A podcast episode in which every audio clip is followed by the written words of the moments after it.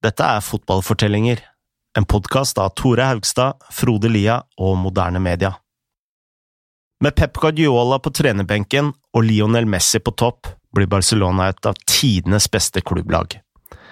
I Real Madrid returnerer Florentino Perez som president, samtidig som Cristiano Ronaldo kommer til hovedstaden.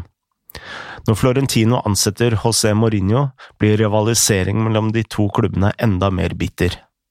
Senere dominerer Real Madrid Europa, mens Barcelona fortsetter å herje i La Liga. I denne episoden skal vi se på El Clásico de siste ti årene.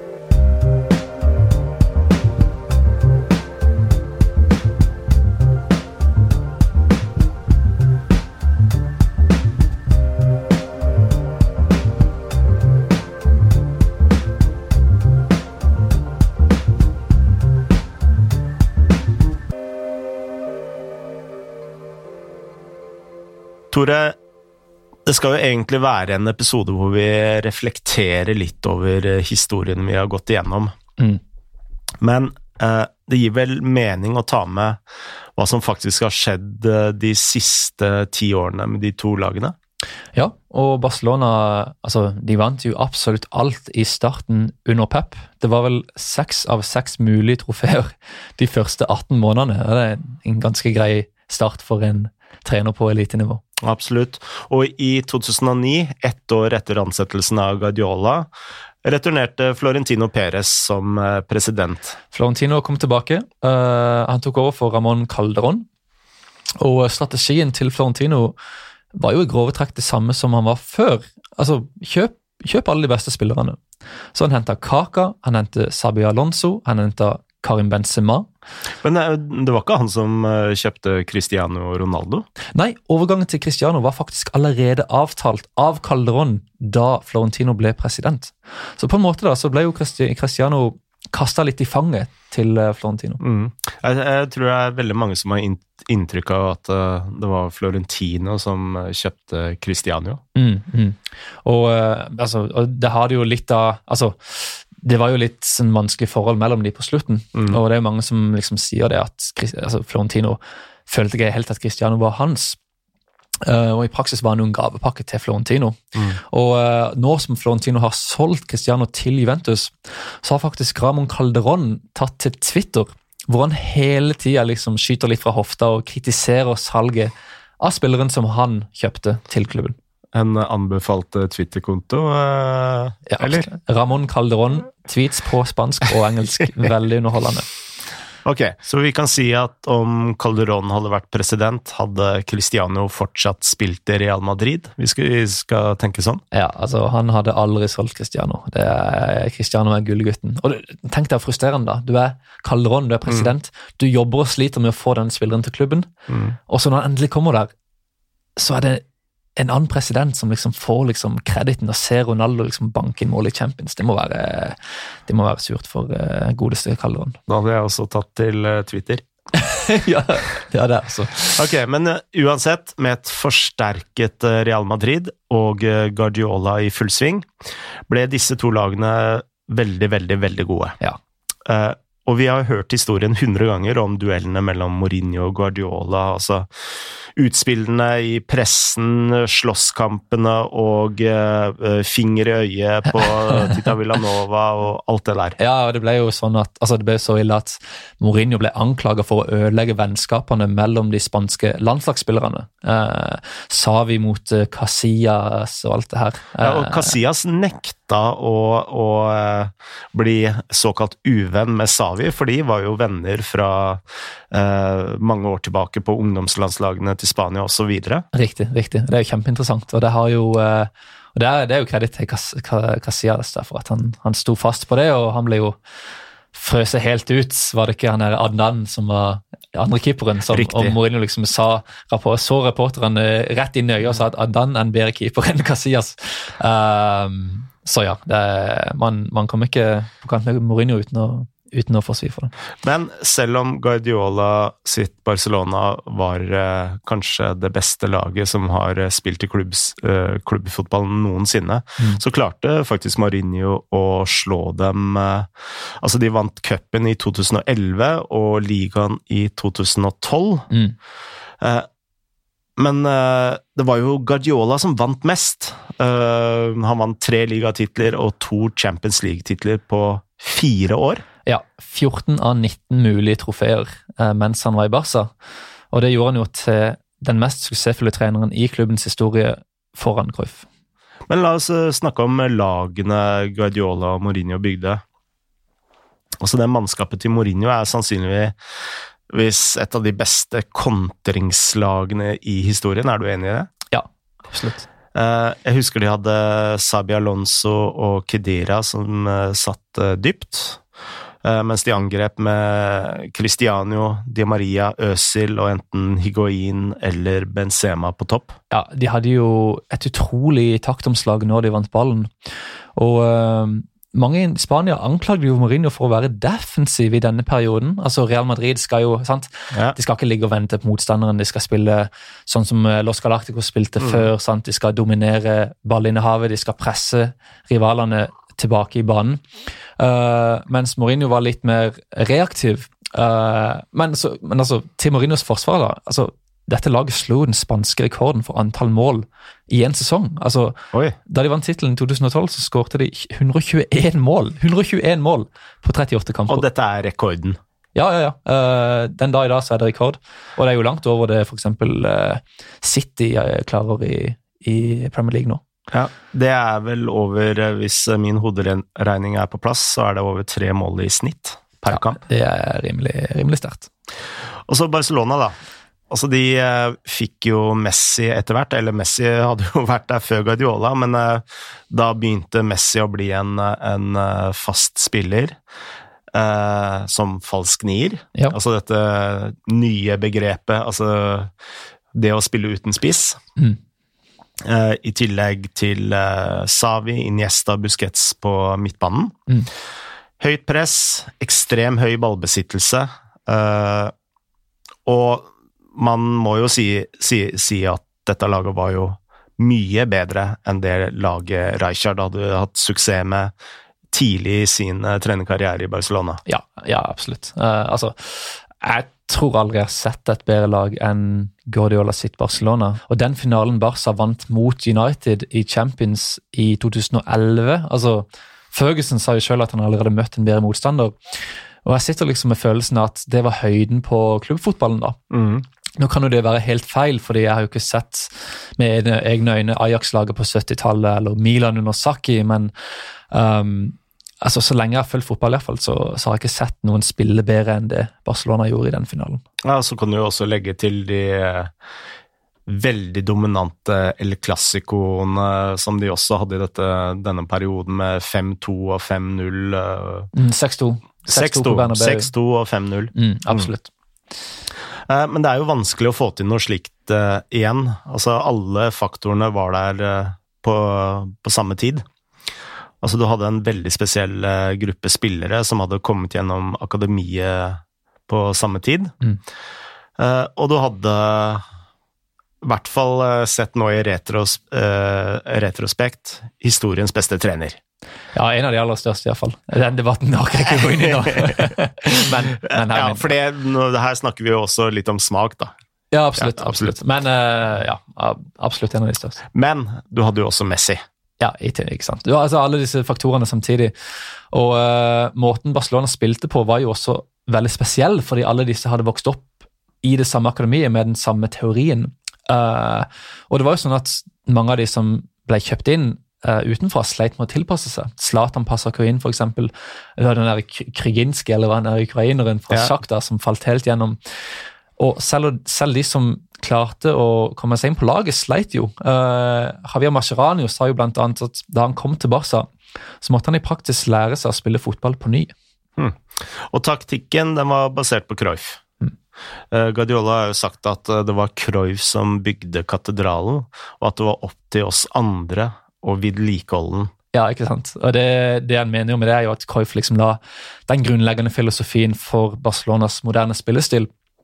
Og eh, det, faktisk, altså det Guardiola har gjort som trener, både i Barca og i andre klubber siden, har jo i stor grad vært å videreføre de ideene han fikk fra Cruyff. Det er vel ingen trenere etter Guardiola og Mourinho som har løftet disse to lagene opp på det nivået som de hadde i løpet av denne bitre duellen. Kan man si at hatet mellom disse to trenerne bidro til å løfte lagene? Ja, det tror jeg man kan si. Det er jo ofte sånn at, altså, det er jo sånn de store duellene fungerer, at motstanderne liksom pusher hverandre. Men eh, man kan jo si at det, eh, det er en slags kollektiv versjon av duellen mellom Cristiano og Messi. Begge har jo sagt uh, opptil flere ganger at de har blitt pushet litt ekstra fordi rivalen er så sterk. Ja, ikke sant. Og uh, altså Jeg tror aldri jeg har sett El Clásico bli spilt med så mye intensitet og kvalitet som da Guardiola og Mourinho var der. Uh, jeg husker De møttes jo hele tida fordi mm. de kom så langt i cupen og champions og alt det her, og supercuper ikke minst, hvor ja. du har to ekstra oppgjør i starten av sesongen. Jeg husker det var noen som sa sånn her, ja, det her blir for mye. altså vi, Disse møte, lagene møter hverandre hele tida. Da er vi lei. Men uh, jeg kunne sett, de, spille, kunne sett de to lagene spille hver uke. Mm. Men uh, de har jo hatt noen eh, etterfølgere. Ja, disse trenerne. Uh, Ancelotti vant jo Champions med Nikkeligaen. Tito Villanova vant, altså han Var det 100 poeng han tok? Mm den delt uh, beste sesongen i La Ligas historie sammen med Mourinho i 2012. Men, men, han vant jo ikke Champions, da. Nei, det gjorde han ikke. Uh, men uh, det er en som gjorde det enda verre. Gerardo Martino. Han vant vel ingenting? Han vant ingenting. ja. Når man ikke vinner noe med Messi på laget, så ser det ikke særlig bra ut i historiebøkene. Um, og så har vi jo laget til Luis Henrique etterpå, med Messi, Suárez og Neymar, som vant trippelen i 2015. Og uh, noen mener jo faktisk at dette laget var enda bedre enn det til Guardiola. Mm. Nei, jeg tror ikke de var så langt unna. Altså, du hadde jo noen av uh, de tre uh, råeste spillerne jeg har sett på topp der, iallfall med Suárez og Neymar og Messi. Ja, det var jo snakk om at dette liksom var en av de beste angrepstrioene i historien, da. Og strengt tatt så skal jo ikke tre så gode spillere spille på det samme laget. Ja, altså Nå har jo Barcelona åtte ligatitler på elleve år, mm. men øh, etter min mening så blir det stadig mer åpenbart at uh, dette er Messis epoke. Uh, Barcelona har hatt mange trenere de siste årene, men det er han som har vært den konstante faktoren bak alle titlene. Mm. Og uh, altså, Barcelona er greit, de har ikke vunnet Champions siden 2015, men uh, cupspillerne er jo altså Marginene er jo sm så små der. Mm. Uh, det er stang inn, stang ut. Ja, ja. Og, uh, men altså, kommer du til ligaen, så har du 38 kamper. og over en så lang periode så vil Messi nesten alltid gjøre så mye bra at Barcelona vinner til slutt. Men når det er sagt, har jo Real Madrid hatt sine fine stunder. Mm. Endelig har hva kan man kalle det, kjærlighetshistorien mellom eh, dem og Champions League eh, blomstret igjen? Ja, først med Angelotti i 2014, og så da disse tre strake triumfene under Zidane. Men uh, når du nevner Zidane, vi må være ærlige. I hvert fall jeg må være ærlig. uh, Real Madrid var jo ikke alltid det beste laget i disse turneringene. Eh, kampene var ofte veldig kaotiske, med masse sjanser eh, og forsvar som ikke hang sammen. Eh, og ja, vi nevnte stang inn, stang ut.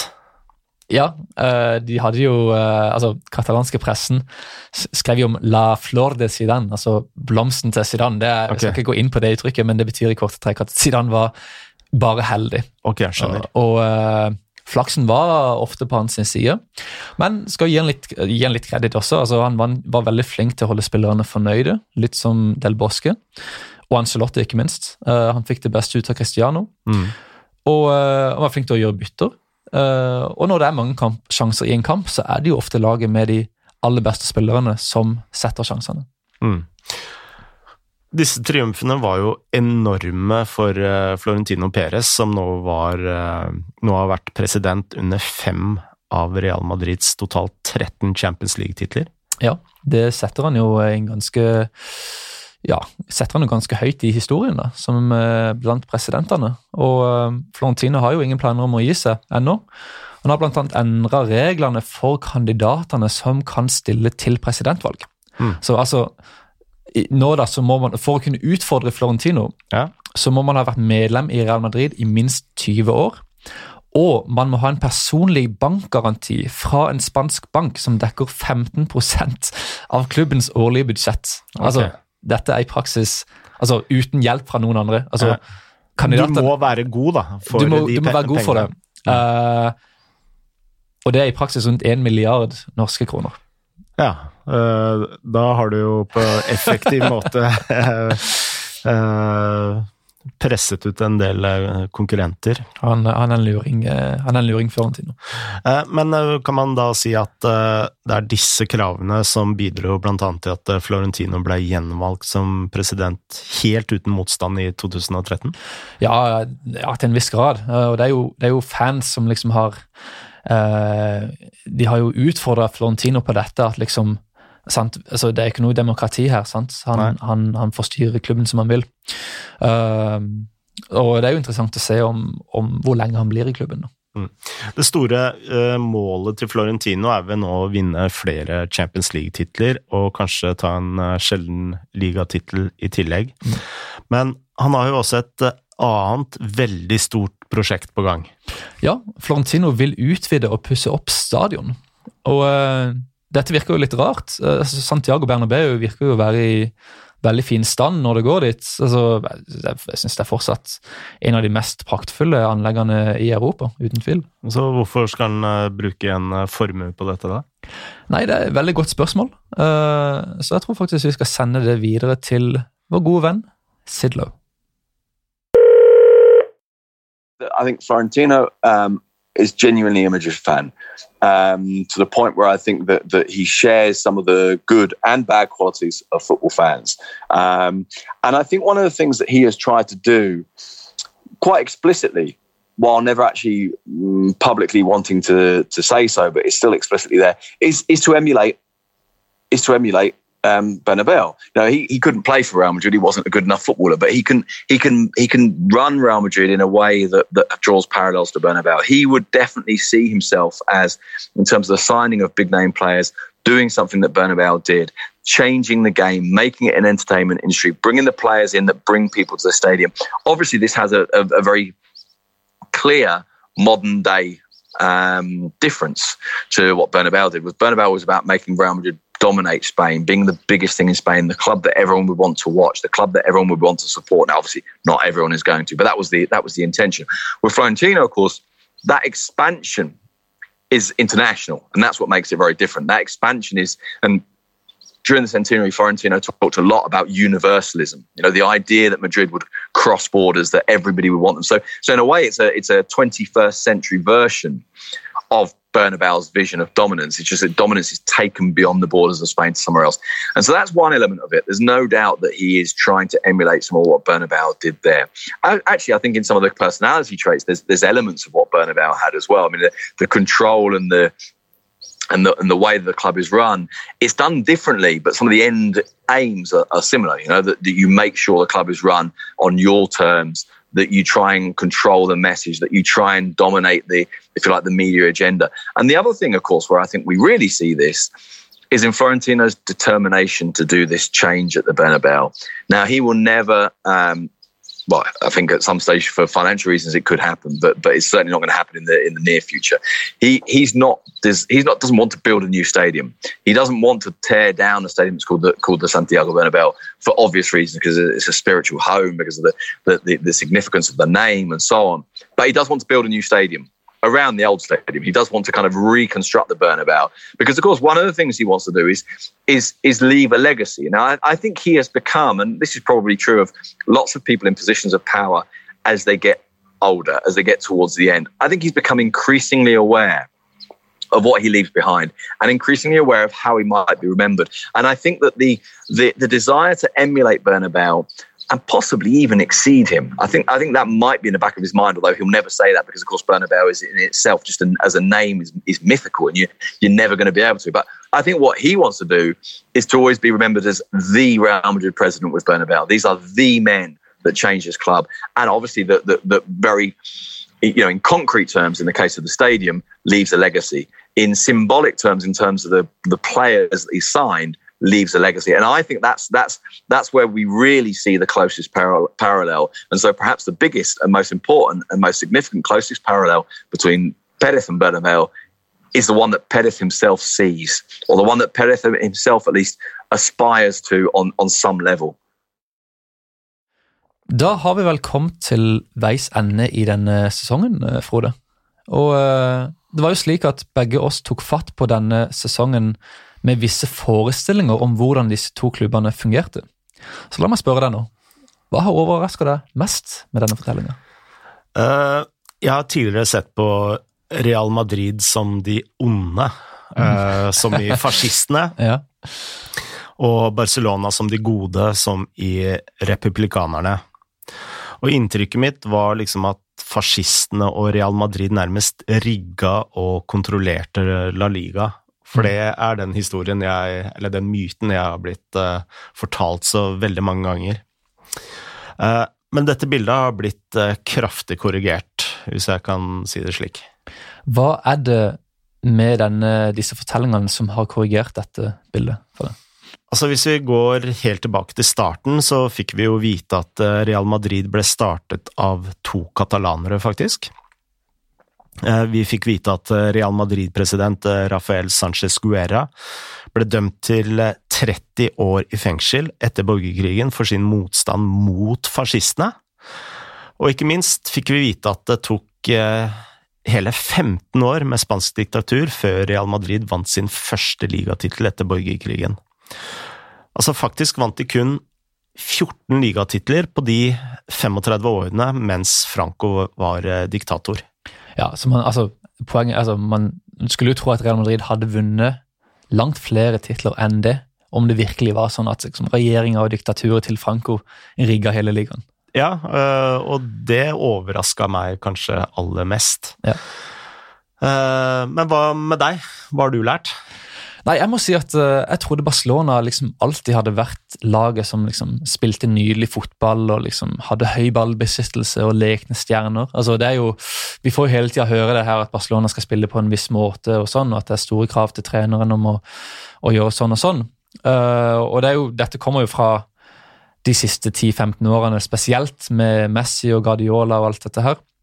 Og så trodde jeg liksom at Real Madrid var laget som bare skulle vinne til enhver pris. og Det hadde liksom ikke så mye å si hvordan de spilte. sant? Skal spille offensivt greit, men hovedpoenget er å vinne. I veldig grove trekk da, så var det inntrykket. Men altså, disse rollene har jo ofte vært snudd helt på hodet i løpet av historien. Altså, På slutten av 50-tallet for eksempel, så var det jo Barcelona som hadde en kynisk trener som liksom kun brydde seg om å vinne. Og det var Real Madrid med Di Stefano som liksom bydde opp til dans og underholdt publikum. Mm. Ja, så har du Real Madrid-laget på 1980-tallet. Ja, La Quinta med Emilio Butragenio som bøtta inn mål.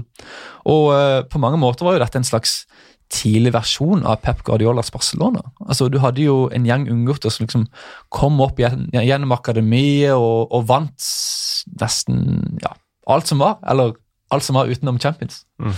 Så vi kan egentlig si at når vi startet denne sesongen, så så vi på alle de ulike delene av El Clásico som sort og hvitt, eh, mens i realiteten har denne historien langt flere nyanser. Ja, det, det syns jeg er en fair konklusjon. Og med det så er det vel bare å takke eh, alle som har hørt på vår eh, første sesong av Fotballfortellinger. Det er det. Tusen takk for oss.